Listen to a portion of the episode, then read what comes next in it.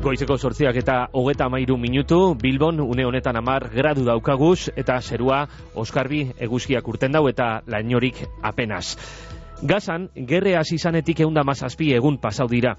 Eunda amazazpi egun joan dira. Bata bestearen atzetik. Laster lau hilabete beteko dira urriaren zazpitikona. Eta emoten dau, Parisen zueten bat negozietan dabiltzala, baina momentuz, emoten daube, aldeek ez da bela eselango akordurik lortu. Naiz eta negoziazioak antxe mantentzen diran. Bien bitartean gazan, hogeta 6 mila palestinar baino gehiago hilda. Gehienak umeak eta andrak. Bien bitartean gazako egualdean, bat 6 milioi pertsona pilotuta. Bien bitartean, ospitalen inguruan bombak eta frankotiradoreak. Eta hau, egunero, egunero. Mugarik bako medikuen alkarteko, gobernuzkanpoko erakunde ontako ordezkaria, nagorezki Isabel etorri jaku gaur gurera, nagore egunon. Kaixo, egunon, alafe. Ezkerrik asko e, gurera etortzearen. E, gazan, e, zerrenda osoa kontuan hartuta eguerea zein da. Iparraldean, e, bizi da inor, middle area edo erdialdeko zonalde hori zelan dau eta eta azkenik aikatu dugun egualde hori, Rafako pilotze hori, eunda, eunda ez, bat koma milioi pertsonen populazio hori zein egoeretan bizi da. Bueno, ba, gehienak esan duzun bezala egoaldean pilatuta daude oraintxe, e, kontatu behar da, ba, gazak bi milioi berreun mila biztale inguru dituela, eta horietatik, ba, bueno, euneko laro gehiago gutxi gora bera oraintxe egoaldean dago, e, rafako e, herrialdean. Egoera oso larrian, muturreko egoeran esateko e, kanpalekuetan daude, baina, bueno, kanpaleku hauek dira plastiko zeginiko etxeetan, horrela ditu baldin badezakegu e, ba, bizi diren tokiei, ba, e, bueno, aukerari gabe eh, jateko, erateko, e, bueno, beraien osasun harreta ba, hartatzeko, hori egoaldean. Iparraldean, egia esan, e, gu bertan badauzkagu langileak, e, hortzeudenak gatazkasi izenetikan, informazio gutxi daukaguz, ez dago aukerarik e, bertara igotzeko, ez da erdialdera. E, bueno, ba, gero eta gehiago jendea jundira e, beraka bideratzen, baita gure langileak, eta baita gure, bueno, egiten dugun ekintza humanitarioa. Orduan, e, badakigu iparraldean e, jendea bizi dela, baina egoera, e, bueno, ba, egoaldean baino larriagoa izango da ziurrenik, ez dago aukerarik e, laguntza humanitarioa bertara bideratzeko. Orduan, hau eskaxa da, urria da egoaldean, areta gehiago iparraldean edo erdigunean. Uh Mediko Sin Fronteraseko osasun langileek urtarrilaren hasierako egunetan Alaxa ospitaletik urten behar izan eben, e, momentu honetan MSF badabilo este ospitale batzutan, ospitale horretariko bat Naser e, eritetxea da, ospitale hortako egoerea zein da momentu honetan? Bueno, ba, alaksarena bezala, edo lehen haue aixifarena izan zena bezala, ez dago gaitasunik gaur gaurkoz e, ebakuntzak e, egiteko, ez dago ia langilerik, ez dago oerik, e, jendea pilatuta dago e, edo zein tokitan, e, duela egun batzuk asko eta asko atera egin ziren, ze, bueno, e, saltzuten ba, borda, bombardeaketak egon zitezkela hori inguruan, eta, bueno, badakigu gaza bertan ez dagoela inungo toki e, segururik, baino hau, e, da gaur gaurkoz, hola, toki larrienetako bat. Badakigu hori bombardeak eta bate gertatzen baldin bada, e, bueno, naser inguruan edo rafa inguruan edo iparraldean, orain ez dago e, ospitalerik e, zauritu guzti horiek e, hartatzeko. Ez dago e, sendagaiik eske, denetari falta da.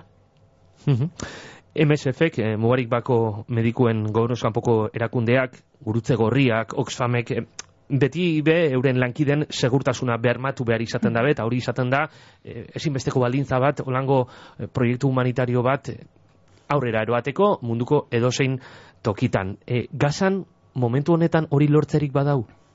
Ez dago toki segururik.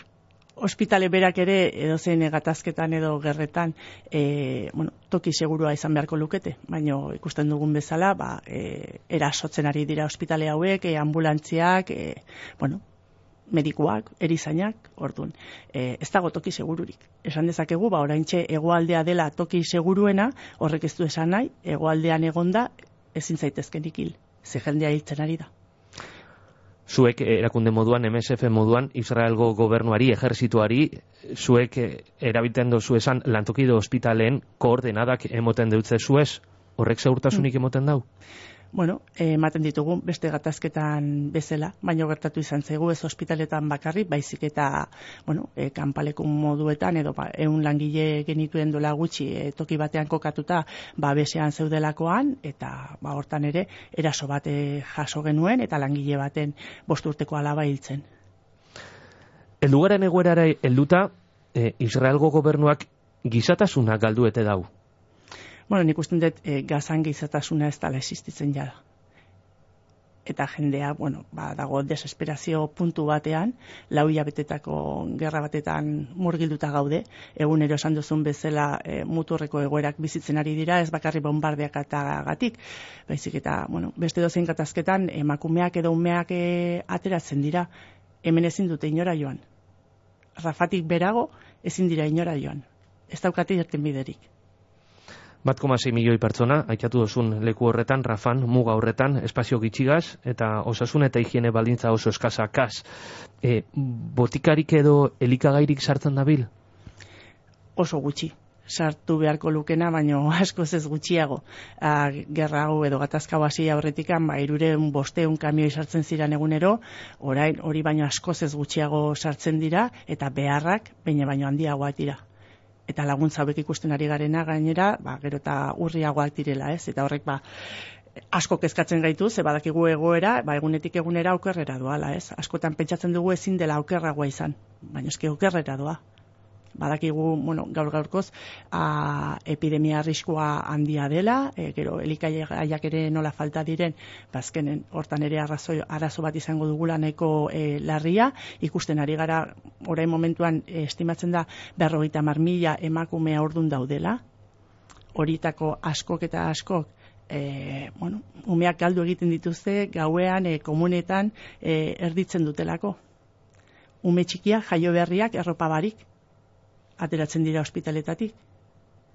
Amar gradu egiten ditu gauean. Ez daukate babesik non lo egiteko tokirik. Laguntza humanitarioa sartuta bena gore, gaza dagoen moduan egonda hori ondo banatzeko edo laguntza hori guztia jendearen artean banatuteko behar besteko antolakuntzarik prestete dago. Erakunde gutxi dago, orain e, jende gutxi gaude bertan. E, bertara lanera juteko ere oso zaila da, eh? ez bakarrik, ba, bueno, senda gaiak sartzea edo gaia sartzea, baizik eta baita langile ber, berak ere, eh? gure langileen gehiengoa bertakoa da, e, bueno, nazioartekoak ere sartu izan du dira, baino behar dana, e, dagoena baino askozaz gehiago da. Eta Zizordanian ze, zein da egoerea, ze berbetan gabiz, e, gazari buruz, mm, gazara e, begiratuta egoerak ez dauka esankanik ez izenik askotan ikustote berbak faltetan dirala zuk badeko zuta eta eta eskertzen dut zute ona etorri izana, berba horrek e, mainaren gainera ekarte agaitik. E, Zizordanian, e, ospitaletan, zein da egoerea? Bueno, ikusi dugu, ez, e, berri larriak ere jasotzen ari gara, ez, e, bueno, zalantzan jarri daiteke ere, ez, azkenen e, ospitaleta batera heldu eta medikuak medikuak diren edo edo ez, hainbat e, tokietan, eta bortizkeria ere, ba, Cisjordanian areagotu egin da azkeneko hilabetetan, ez, orduan ez dakigu aurrerantzean gauza nola jungo den, dakiguna da azkeneko hilabetetan egoerako kerrera egin duela ere Cisjordanian, eta bai, bueno, badena gaude gazari begira, baino guk ere taldiak ditugu Cisjordanean eta horretan ere urduri gaude noski. Uh -huh.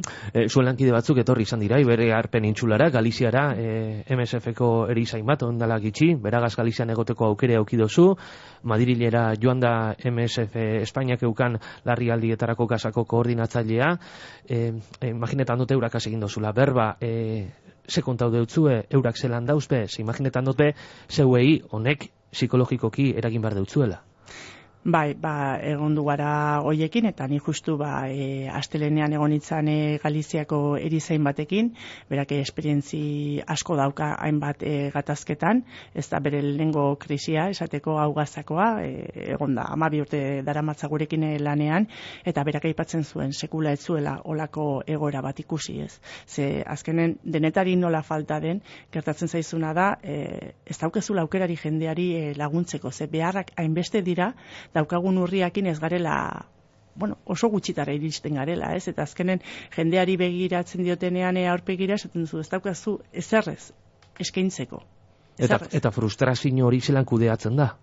Bueno, ba, ikusten ari gara hori, eh? esperientzi asko daukan jendea, ba, nola ona iristen den, eta nola bazkenen negarra ezin neutxita egoten direla, ez? Eta behar dutela, ez? Denbora bat, e, bueno, ba, erabatetara, ba, pentsatzeko, lasaitzeko bizi izan dutenakin, e, eske oso handia da e, frustrazioa, ez da bere dut daukaten impotentzia galanta, baina ez dutela esperientzia hori izan, ez? Badituztela hola, esateko baliabideak olako krisi eldetitatik etorrita, ba, gero beraien bidea e, berriro ba, e, egiteko, ez? E, beraien rutinara edo itzultzeko, eta kasu honetan ikusten duguna da, ba, eta esaten digutena da, ba, bueno, dituzten baliabide horiek edo zituztenak, ba, ez aski munduko mediku mun, e, mugarik bako medikuen gobernuzkanpoko erakundeak azbatera, badabiz beste erakunde batzuk, bai beste alkarte batzuk itxi dira, e, zuk esaten dozunez, Euretariko bat unra da. E, unrak zelako lan egiten dau gaur egun gazan. Zein da erakunde horren egin beharra eta zertan laguntzen dau?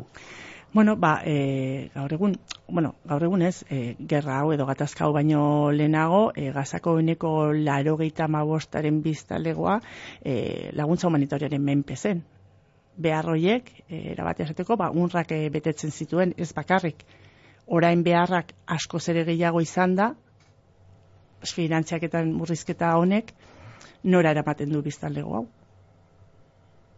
Zer suposatzen da horrek, ze ontsa esan dozu, e, finantzak eta murrizketa e, erabaki dabela, e, estatu batzuk, hmm. eta eta ez edo sin estatu hartu gau erabaki hori, ze hor dauz berbarako estatu batuak eta eta bestelako batzuk, Espainiarre gobernuak e, esan dau esetz, eureke mantenduko dabela, e, diru laguntza eteteak zer okertu leike? Beharrak hain handia dira, hainbeste laguntza behar da, denek eh, handitu egin beharko lituzkete laguntzak orain, ez murriztu. Orduan, edozein murrizketa, ba, bueno, horrez ez suposatzen da, ba, jendea azkenen ez bakarri bombardeak eta gatik, baizik eta gozez hilko da azkenen, edo gaixotasunez hilko da, hiltzen ari dira ja, ja da ez, ez daukatelako senda gaiik. Askotan betxatzen dugu hori ez, ba, em, bomben ondorioz e, hil diren pertsonetan pentsatzen dugu eta normala da, baina zenbat pertsona ez dira hiltzen nahi ba, beste gaixotasun batzugatik, minbizia dutelako, edo hepatitisa dutelako, edo diabetesa, hori, bueno, bada gaixotasun bat non jende gazte askok dauka han, eta ez daukate insulina izateko aukerarik, hoie denak, egunetik egunera, pentsatzen ari dira noiz hilko diran. Parisen emoten dau, e, Katar, Israel, Ameriketako estatu batuak eta beste herrialde batzuk zueten bat negozietan dabilzala. Mm, aurrera pausuak e, antzemoten dira negoziazio horretan, baina e, adostasuna honiokarren e, urrun dauela be emoten dau. E, zemotatako zuetena beharko leuke gaur egun gazak? Zuetena, orantxe bertan, alik eta lehen, eta iraunkorra. Iraunkorra.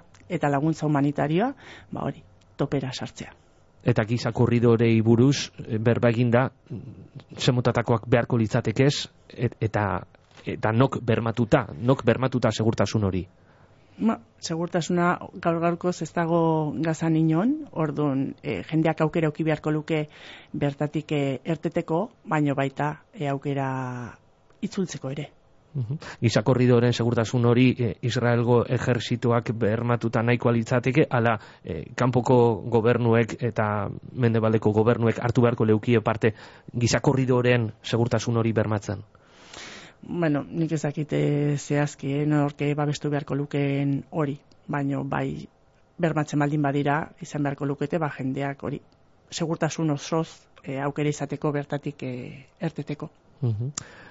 Zalantzabarik e, errealidadeak gazara garoaz motibo asko gaitik, nagore kontxe azalutako guztia gaitik, baina MSF, e, eh, mugarik bako medikuen gobernuzkanpoko erakundeak badaukaz, munduan zehar bestelako proiektu ugari, e, izan be, gazakoa ez da, momentu honetan munduan dagoan gatazka bakarra, akaso gordinena edo larriena bai, baina badauz beste, beste gatazka batzuk, nagore, nundik nora zabiltzien momentu honetan lanean. Bai, ba, daude asko, e, oso larrituta gaude sudanen dagoen e, egoerakin, bertan ere ikusi izan du ditugu, ba, ospitalen e, erasoak, e, bueno, ba, azkenen jende pila bat beraien etxea e, utzita iesi atera behar izan dute, e, bueno, bai, e, ikusten duguna da violentzia gero eta, bueno, areagotu egin dela, handiagoa dela, eta, bueno, ba, biktimena artean, ba, gero eta gehiago daudela horrek larritzen gaitu, baina baita Yemeneko egoerak, e, baita, bueno, Sahel guztian dago oraintxe, bueno, egoera nahiko larri, eta, bueno, ez ditugu azten ez da ere, ba, Afganistan edo Ukrania, ez, esateko. MSF-ko baskideren bat, e, egon leiteke ontxe, e, alkarriz eta hau entzuten, mugarik bako medikuen gauruzkanpoko erakunde ontako baskide diranei, nagore, zen mesu bieratuko zeunzkie? Bueno, ba, lehenengo gauza e, esker mila, eskerrik asko, ze beraiei esker egiten dugu guk egiten dugun lana, e, erakunde independiente bat e, bezala, ez? Eta, bueno, horrek albidetzen gaitu guri, une oro, erabakitzea non lan egiten dugun eta nola, eta, bueno, badauden behar humanitarioei, e, bueno, ba, hori eutxita erabakiak hartzen ditugu.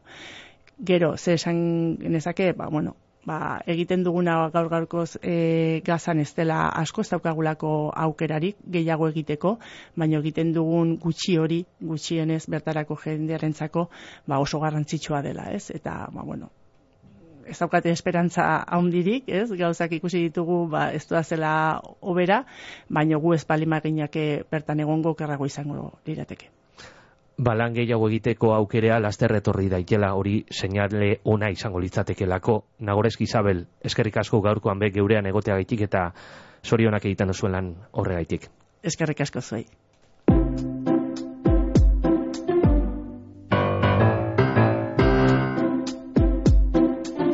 Goizeko izarretan